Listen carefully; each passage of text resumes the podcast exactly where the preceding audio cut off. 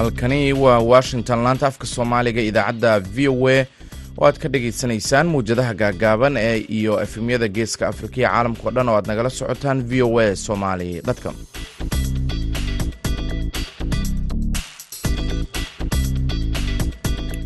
Duhur wanaagsan dhegaystayaal waa maalin axadah bisha sebteembarna waa afar iyo labaatan sanadka labada kun iyo saddex iyo labaatanka. Afrikada bari saacaddu waxay tilmaamaysaa kowda iyo barka duhurnimo idaacadda duhurnimo ee barnaamijka dhallinyarada maantana waxaa idinla socodsiinaya anigoo ah maxamed bashiir cabdiraxmaan.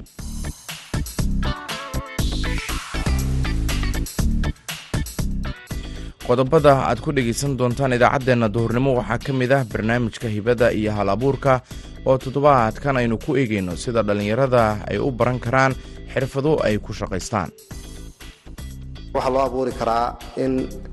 loo sameeyo la baro fikirada ganacsiga iyo siday u soo bandhigi lahaayeen iyo in la baro xirfadaha gacanta ee ka duwan waxbarashada caadiga ee tooska ah. Taasoo hadhow toole iyadna u noqon karta dariiq gaaban oo shaqooyin ay ku heli karaan iyo in iyaga guruub guruub inta laiskugu xidho tababaro la siiyo halabuurka ganacsiga ah. Kadibna hadhow toole ay soo bandhigi karaan markaa fikradaha ganacsiga ku jira waxaad kaloo dhegaystayaal maqli doontaan mas'uuliyiinta gobolka hiiraan oo sheegay in qaraxii shalay ka dhacay magaalada beledweyne uu geystay khasaaro nafeed oo badan iyo burbur lixaad leh. Ciyaarihii iyo sidoo kale qodobo kale ayaan idiin haynaa balse intaasi oo dhan waxaa ka horeynaya warkii caalamka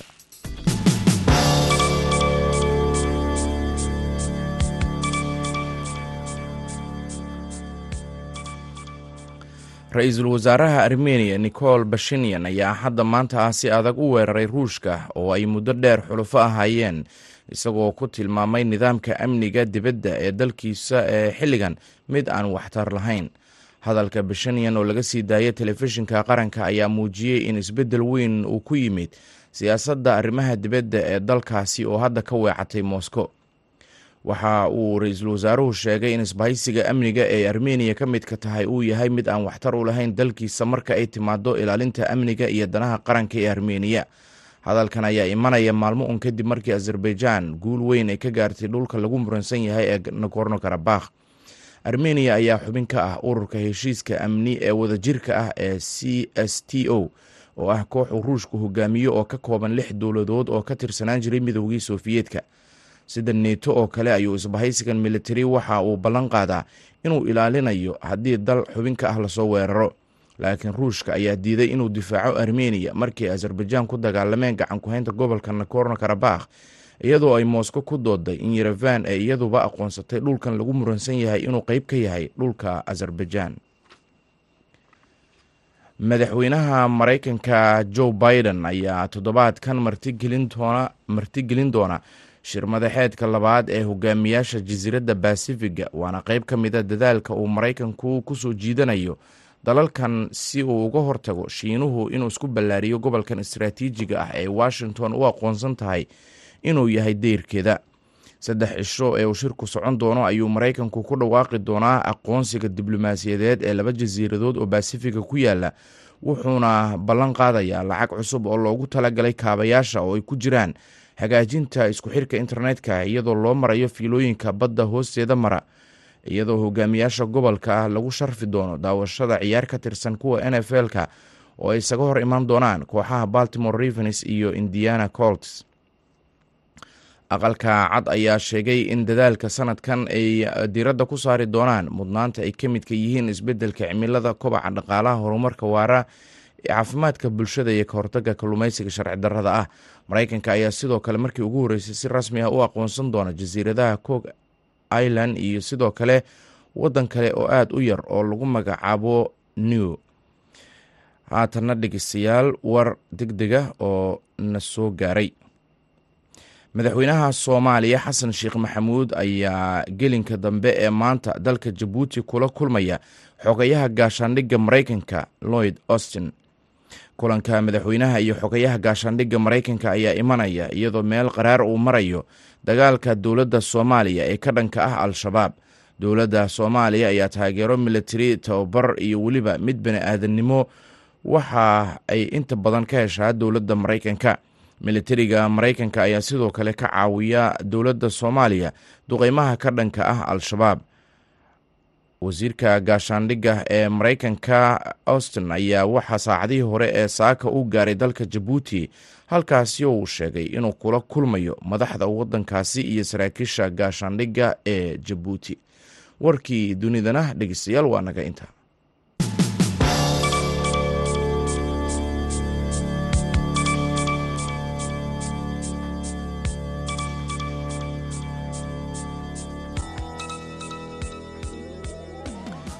halka dhegeystayaal wararkaasi idinkaga imaanayaan waa laanta afka soomaaliga ee v o a. Markana beledweyne mas'uuliyiinta gobolka hiiraan ayaa sheegay in qaraxii shalay ka dhacay magaaladaasi waa magaalada beledweyne uu geystay khasaaro nafeed oo badan iyo burbur lixaad leh. Mas'uuliyiintu waxay si xoogan u cambaareeyeen weerarkaasi. Wararkii ugu dambeeyey waxaa warbixintan ka soo diray xuseen xasan dhaqane. Tiro sugan lagama hayo khasaaraha dhimasho balse dhaawaca waxa uu kor u dhaafayaa soddon iyo lix qof sida laga soo xigtay goobaha caafimaadka shaafici maxamed yuusuf oo ka mid ah dhalinyarada beledweyne kuna sugnaa meel aanan ka fogeyn goobta qaraxa uu ka dhacay. Ayaa sawir waxa uu ka bixinayaa muuqaalka goobta. Waxaan hadda hadal iyo koob ku soo koobi kara maahan waad dareemi karteen meeshaan wixii guri ku yilay. Meel geerisha ku xarunta hormuuda ku tilay. Saddex geerisho isku ataale ahayn. Dhammaantood dadka ku jiray dad masaakiin ahayeen ma ahayn xarun dawladeed dhul shacabo dad shacaba degan yihiinoo magaalaha fiyaalaha ahayd ma garatay waa u jeediin waxaa ka dhacay waxaad dareemi kartaa meeshaan aan ka aruurnay dhaawac iyo meyd hal iyo laba aan ku soo koobi karin. Dhaawacan ani inta aan ka soo joogo waxaa ka mid a meeshaas waxaan ka qaaday laba carruura iyo hooyadood iyo nin odaya geeskaas ka qaaday. Dhinacaas kale waxaan ka qaadnay afar qofoodoo isku meela ilaa hal qof. Shantaasoo qofooda meeshaas hal meel shan iyo meel afara intaas anaa goobjoog ah oo meesha ka qaaday haddii aan ka soo tago waxaa ka mid a dhulkaan ma ahayn dhul dawladeed. Waa dhul dad shacaba degan yihiin dad masaakiina degan yihiin goobo ganacsi ku yileen. Waxa weeyaan waxaa loo gumaadana waxay yihiin maxaa soomaali u tihi wax kaloo nalagu haysta ma ay jiraan. Hay'adaha amniga waxaa laga rabaa wixii meeshaan ka dhacay inay baaritaan ay ka sal gaaraan. Meeshuu gaarigan ka yimid meeshii laga soo cabeeyey ciddii hagaysay. Intaba in la dabagalaan ka rabnaa dhammaan wasiirka arrimaha gudaha hirshabeelle iyo guddoomiyaha gobolka hiiraan oo gelinkii dambe ee maanta booqday goobtii uu ka dhacay qaraxa ismiidaaminta ayaa waxay sheegeen in qaraxa uu geystay khasaaro ka ballaaran qaraxyadii hore. Guddoomiyaha gobolka hiiraan cabdulaahi axmed maalin oo warfidiyeenka kula hadlay bartii kontarool ee weerarka ismiidaaminta uu ka dhacay ayaa waxa uu sheegay in qaraxaasi ay ka war heleen kuna raad joogeen laamaha amniga magaalada beledweyne. Waxaan taagannahay meeshii maanta masiibadu ka dhacday nimanka khawaariijta ahaa gaarigii ay ummaddan inay ku halaagaan ay u soo direen ayadoo hay'adaha amnigu ay xogtiisa hayaan ciidanka booliiskuna hayo ciidanka militariguna ay daba taagan yihiin oo in la qabta la rabo uu isku qarxiyey. Masiiba halkan ka dhacday xaafaddii buunda koowaad iyo horseed wax ku haray oo dad ama degaanuhu ma jiraan sidaasi u burburtay nimanka marka khawaarijtaahi maanta dhibaatadaasi u geysteen magaaladan beledweyne gaar ahaan xaafaddan khasaaraha meeshaan ka dhacay naf iyo maal wax la koobi kara ma aha. Hay'adihii cisbitaalladii ayaa weli gacanta ku haya godkaas weyn. Waa meeshii baaburka ku qarxay ayadoo ciidamada amnigu hayaan. Gaarigan gaarigii ciidamada militariga oo daba socdo gurmadka booliiska u soo aaday oo baaburka hor taagnaa waa meesha ku baaba'san. Taliskii booliisku waa joogaa. Marka insha allah waxaan rajaynaynaa in la iska kaalmaysan doono dhibka nimankaasi ama noo geysan ama noo soo wadaan. Dadkii goobta ku dhintay waxaa ka mid ahaa qoys deganaa meel u dhow bartii kontarool ee weerarka lagu qaaday sidoo kale qaraxa waxaa ku gubtay kaalmo shidaal iyo goobo ganacsi oo ku yaalla hareeraha waddada laamiga. Wasiirka arrimaha gudaha hirshabeelle cabdi daahir guure ayaa waxa uu dowladda soomaaliya iyo hay'adaha caalamiga ka codsaday in laga caawiyo dadka beledweyne. Waxaan rabaa in halkaan farriin ka gaarsiiyo ummadda soomaaliyeed qaranka soomaaliyeed dowlad goboleedyada. Dadka deegaankaa degan waa dad u dhabar adeegay xabadda iyo dagaalka aqalqaacido waxaa ku socdo burburin iyo baabi'in iyo hagardaamo ballaaran. Waxaan rabnaa inaan halkaan waxay maanta u eg tahay qaraxii sooboog kale. Waa masiibo ka dhacday xaafad ka mid a xaafadaha beledweyne meel santar ahoo suuq ahoo waddaah oo horseed la yidhaahdo xaafadda kooshin ama taakasida meelaha iska qabtaanba. Waxaan rajaynaynaa in dadka soomaaliyeed ay garan karaan. Waxa meeshaan ka dhacay waxay yihiin. Waxaan weyddiisanaynaa garab istaag dhabe iyo gurmad dhinac kastaba. Dowladda soomaaliyeedna waxaan ugu baaqaynaa dadka reer beledweyne oo qaraxu ku soo laalaabtay oo shacabkoodu oo sha- oo- mataqaanaa u dhabar adeegay oo u dhabar adeegay wixii halka ka dhacayay waxaan rajaynaynaa inay mataqaanaa soo garab istaagaan. Dadka deegaankan deggan oo dhibaatada ku dhacdane inayna xanuunkaan ayna dareemin ay dagaalka u diyaargaroobaan dagaalkii foolkfoolka iyo furumihii waa looga adkaaday suuqda iyo magaalooyinka iyo shacabka iyo xaafadaha iyo xafiisyada dowladda ee waxay rabaan inay qarax ku baabi'iyaan. Xuseen xasan dhaqane v o a. Mahadsanid xuseen markana dhegeystayaal waxaad ku soo dhowaataan barnaamijka hibada iyo halabuurka waxaana soo jeedinaya haashim sheekh cumar good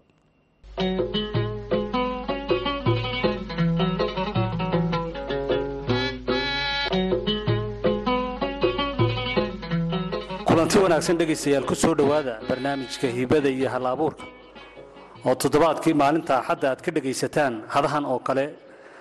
Idaacadda duhurnimo ee barnaamijka dhallinyarada maanta ee laanta afka soomaaliga ee v o a. Barnaamijkeenna hibada iyo hal-abuurka ee toddobaadkan. Waxaynu ku soo qaadan doonaa sida dhallinyarada loogu samayn karo hal-abuur shaqo iyo sida iyaga laftoodu ay ula iman karaan hal-abuur shaqo waxaa barnaamijkeenna inoogu martaya cabdiqani cabdilaahi kaahiye oo madax ka ah ururka soosta oo ah urur ka shaqeeya caawinta iyo arrimaha dhallinyarada xaruntiisuna ay tahay magaalada boorame ee gobolka awdal waxaa kaloo barnaamijka inoogu martiya aqoon-yahan kayse shabeel liibaan oo ah aqoon-yahan ka mida aqoon-yahanada la shaqeeya hay'adaha caalamiga ah ee caawiya dhallinyarada ugu horeyn cabdiqani cabdilaahi kaahiye haashim iyo kayse waan salaamayaa haashimna aad baan uga mahad celinayaa booqashada nagu soo booqday xafiiska. Haddii aan ku soo dhowaado su'aashaas ah sidee loogu samayn karaa ama loogu abuuri karaa dhallinyarta? Aanu helin agsas inay ama inay jaamacadaha dhammeeyaan ama hadday soo dhameeyeenba shaqooyin sidii loogu abuuri lahaa.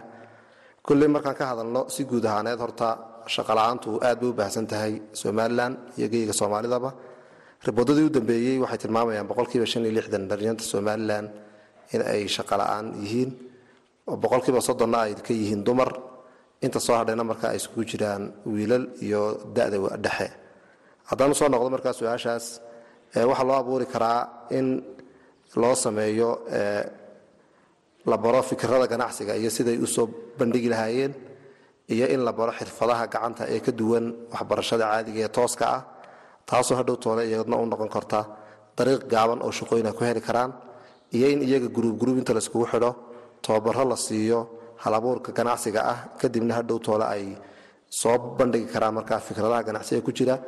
Taas oo markaa loo baahan yahay inay dowladda iyo hay'adaha iyo bangiyaduba ku maalgeliyaan taasoo marka ay ku abuuran karaan dhalinyartu inkastoo caqabado fara badan jiraan oo weli aanan halkii la rabay la gaadhin haddana weli dadaaladu way socdaan dhalinyartana wax looga baahan yahay inay iyaguna la yimaadiin wax wax ku oola ayna ka go-naato cabdiqani hay'addiinna soosta dhallinyarada tababaray siiyaan tababarada ay siiyaan waxaa ka mid a xirfada ay baraan.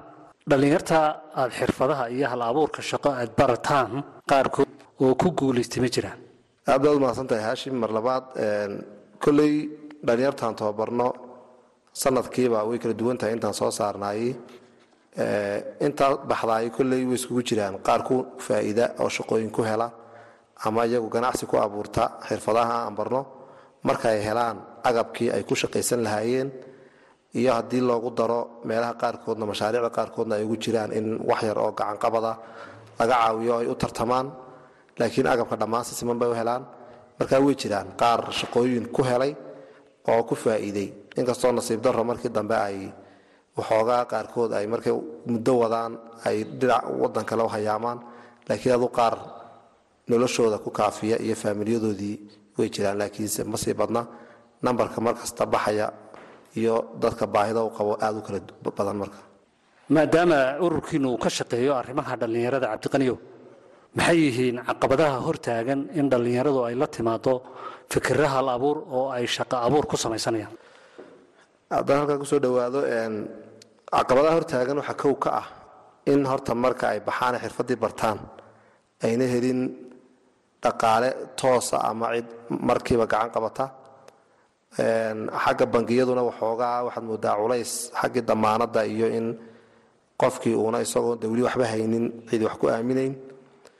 Iyo xaggii roorkii dowladda oo isaguna inkastoo sanduuq dhalinyara la abuuray laakiin weli uuna si fiican u shaqayn lacagna ay ku jirto.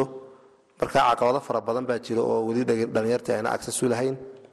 Iyo dhalinyarta qaarkoodoo iyagana ayna ka go'nayn inay marka xirfadda bartaan si saxa marka ay ugu shaqo tagaan. Aduu labada caqabadood baa ugu muhiimsan. Laakiin haddii taamaal gacan qabaska ama in wax la deymiyo ama bangiyadu ay u fududeeyaan dhalinyar fara badan waxaan aaminsanahay inay u soo hiran lahaayeen inay hal abuuri la yimaadaan waxna abuuraan marka ganacsina sii wadaan barnaamijka waxaa kaloo inoogu martaya aqoon-yahan kayse shabeel liibaan oo ka mida aqoon-yahanada la shaqeeya hay'adaha caalamiga ah ee caawiya dhallinyarada. Kayse ku soo dhowow barnaamijka hibada iyo hal abuurka ee laanta afka soomaaliga. Maxay tahay waxyaabaha hay'adaha caalamigu ay dhallinyarada ka caawiyaan dhinaca hal abuurka shaqo iyo shaqo la'aanta inay ka baxaan horta sidaynu wada ognahayba shaqa la'aantu aad bay u badan tahay oo waxaa lagu qiyaasaabaa boqolkiiba lixdan iyo toddoba inay bilaacamal yihiin. Markaa dhalinyartaas waxay noqonayaan dhalinyartii jaamacadda ka baxay bay noqonayaan kuwa jaamacadda meel dhexa kaga baxay bay noqonayaan kuwii secondariga dhammaystay noqon karaan kuwii secondariga meel dhexe kaga baxay bay noqon karaan kuwa dugsi hoose dhexe dhammaystay ama meel dhexe kaga baxay noqon karaan kuwa waxba aan baran bay noqon karaan. Marka sidaa caadiga ah dhalinyarta shaqooyinka marka loo abuurayo saddex nooc maanta badan loogu abuuraa. Qolo la baro xirfadaha gacanta. Qolo la baro hal abuurka shaqo. Iyo qolo loo tababaro bal inay shaqaalo noqdaan. Ay noqotaa kow waxa muhiima inay helaan dhalinyartaasi tababar taya leh. Matalan marka qofku la doonayo inuu isagu shaqo abuurto waxa kow ka ah qofkaasi waa inuu shaqo tag yahay isagu number one waa inuu shaqo tag yahay oo qalbiga ku hayaa inuu shaqaysto. Shaqa wixii loo diro uu diyaar yahay inuu qabto. Attitudeka noocaas waa inuu leeyahay. Qofku waa inuu la yimaadaa fikrad ganacsi oo shaqaynaysa markuu eego baahida jirta fikrad ganacsi oo shaqaynaysa waa inuu la yimaadaa. Taasaa markaa ay noqonaysaa business balaanka uu la yimaado in lagu maalgeliyo. Ama hay'addu ha ku maalgeliso ama cid kaleba ha ku maalgelisay taasaa la doonayaa qofkii in uu dhaqaajiyo meel mariyo. Sidaa uu ku shaqo tegi karaa. Ta labaad waxa weeye qofka qofkii markuu la tababaro ee employability skillska lagu tababaro ee la dhiirogeliyo waxaa loo sameeyaa shaqo carbis. Shaqadaa waxa uu bartay ciddii ka shaqaysa ayaa loo geynayaa.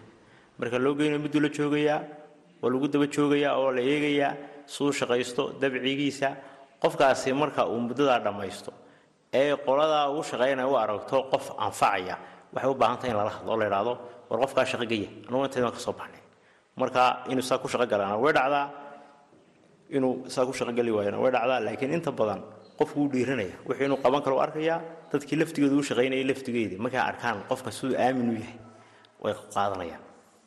Qolada saddexaad waxa weeye qolada aan aad wax u baran xirfadaha gacanta la baraa. Marka xirfadaha gacanta marka la barayo waxaa loo baahan yahay intaan xirfadii gacantaba la barin in suuqa la eego baahida ka jirta. Xirfadahebee loogu baahi badan yahay xirfadda noocaas iyo noocaas iyo noocaas loogu baahi badan yahay. Matalan alxankaa loogu baahi badan yahay solar baa loogu baahi badan yahay cunto karintaa loogu baahi badan yahay. Xirfado noocaasa ayaa la eegayaa baahida ka jirta. Taa marka la go'aamiyo ayaa la odhanaya xirfadahaasi ayaan anugu bixinaynaa. Dada dadka la siinayana daadoodu waa dhexaysaa siddeed toban jir ilaa dhowr labaatan jir. Dee qof xooga oo wax qaban kara. Dabadeeto taya tababar fiican oo tayale marka la siiyo oo qofkaasi shantaa bilood uu dhammaysto ugu yaraan isna waxaa la geyn doonaa meelaha xirfadaha noocaasa ku shaqeeya oo shaqa carbisa muddo markuu joogo qofkii wixii uu soo bartay buu gacanta ka qabanayaa kalsooni buu helayaa wuu dhiranaanayaa iyada oo isagii qofkii lafdigiisii shaqadii baa la isku baranaya hebel waxaa lagu baranayaa biyogelintu yaqaanaa. Dabadeed waxa dhacay saddex xaafadda hadday qasabad ka xumaatay inay dhahda hebelow noo kaalay. Ama laydhkii qofka la isku baranayaa hebelow noo kaalo leerka noo hagaaji. Gacantiisa marka la bartana ummaddu way isku sheegi doontaa haddii kadib saas ku shaqaynayaaba. Taana way timaadaa inuu qofku shaqo ku helo. Hay'adahan caalamigaa mashaariicaha ay ugu talagaleen dhinaca dhallinyarada ee hal abuur ay ugu samaynayaan ma is leedahay dhallinyaradu shuruudaha looga baahan yahay? Way buuxin karaan. Haddiise ay shuruudaha aanay fahamsanayn sidee bay ku raadsan karaan? Marka hay'adaha caalamiga iyo ururada maxalliga oo kale ay dhallinyarta doonayaan inay shaqooyin hal abuura u sameeyaan si fiican. Horta waxa weeye dadku way kala duwan yihiin dhalinyartu qof dhiiran oo doonaya inuu shaqaysto wuu jiraa. Kaa isagoo iswadaa wuu soconayaa oo markuu wax barto waa qof wax raadsanaya weeye ka aan saa u dhiiranin wuxuu u baahan yahay dhiiragelin fara badan in la fahansiiyo manaafacaadka ay leedahay. Shaqooyinka noocan ay leeyihiin in la fahansiiyo u baahan yahay dabadeed kaa kalena saasuu ka howlgeli karaa. Laakiin waxay u baahan tahay dhiirigelin xoogay u baahan tahay. Matalan waxay sameeyaan waxa la inspirational talk.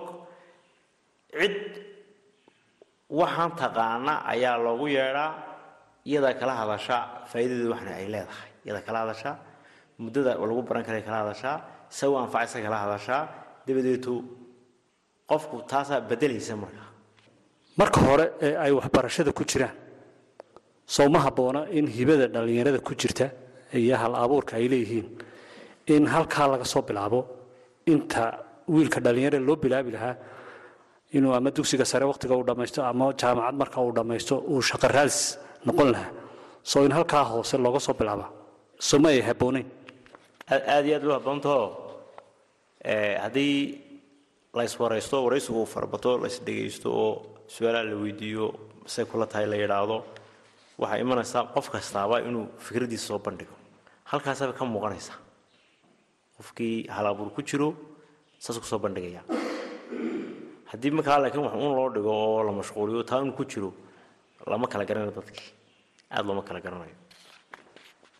Gudoomiyaha ururka soosta cabdiqani cabdilaahi oo isagna barnaamijka inagala qayb qaadanaya. Cabdiqani sidee loo soo bandhigi karaa hibada dhallinyarada iyo hal abuurka ku jira.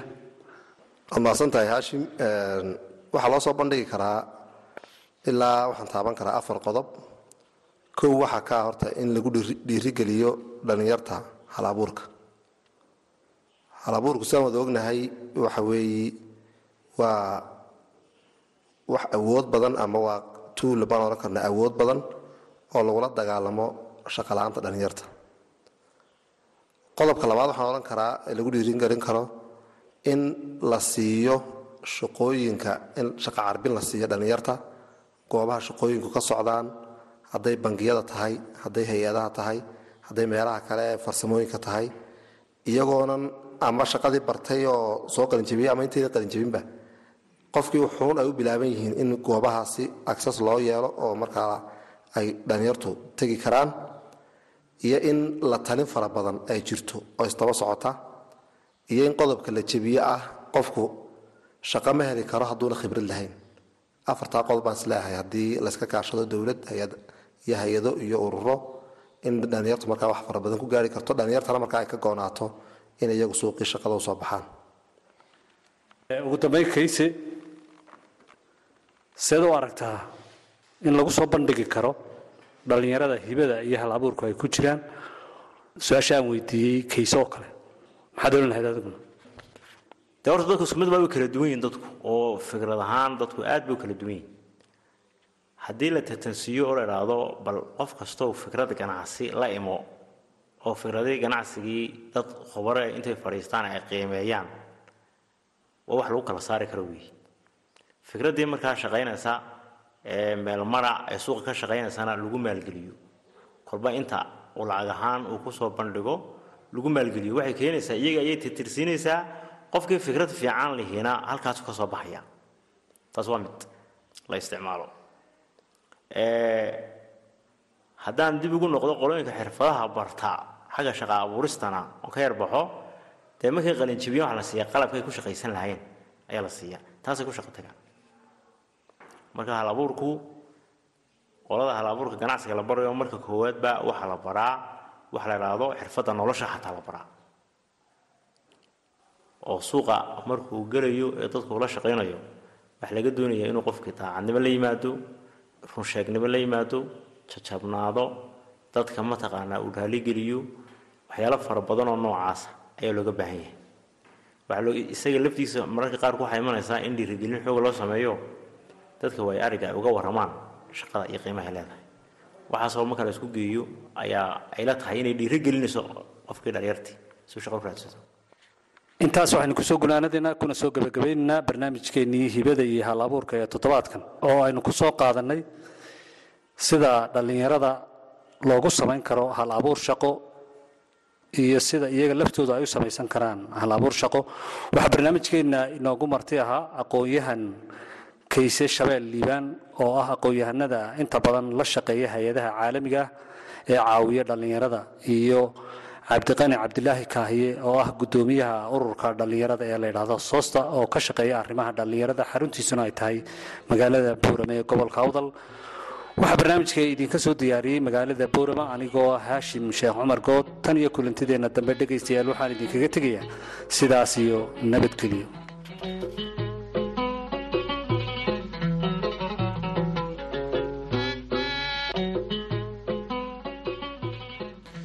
mahadsanid haashim sheekh cumar good markana dhegeystayaal waxaan idiin soo qabanaynaa codka allaha u naxariista maxamed sulaymaan tube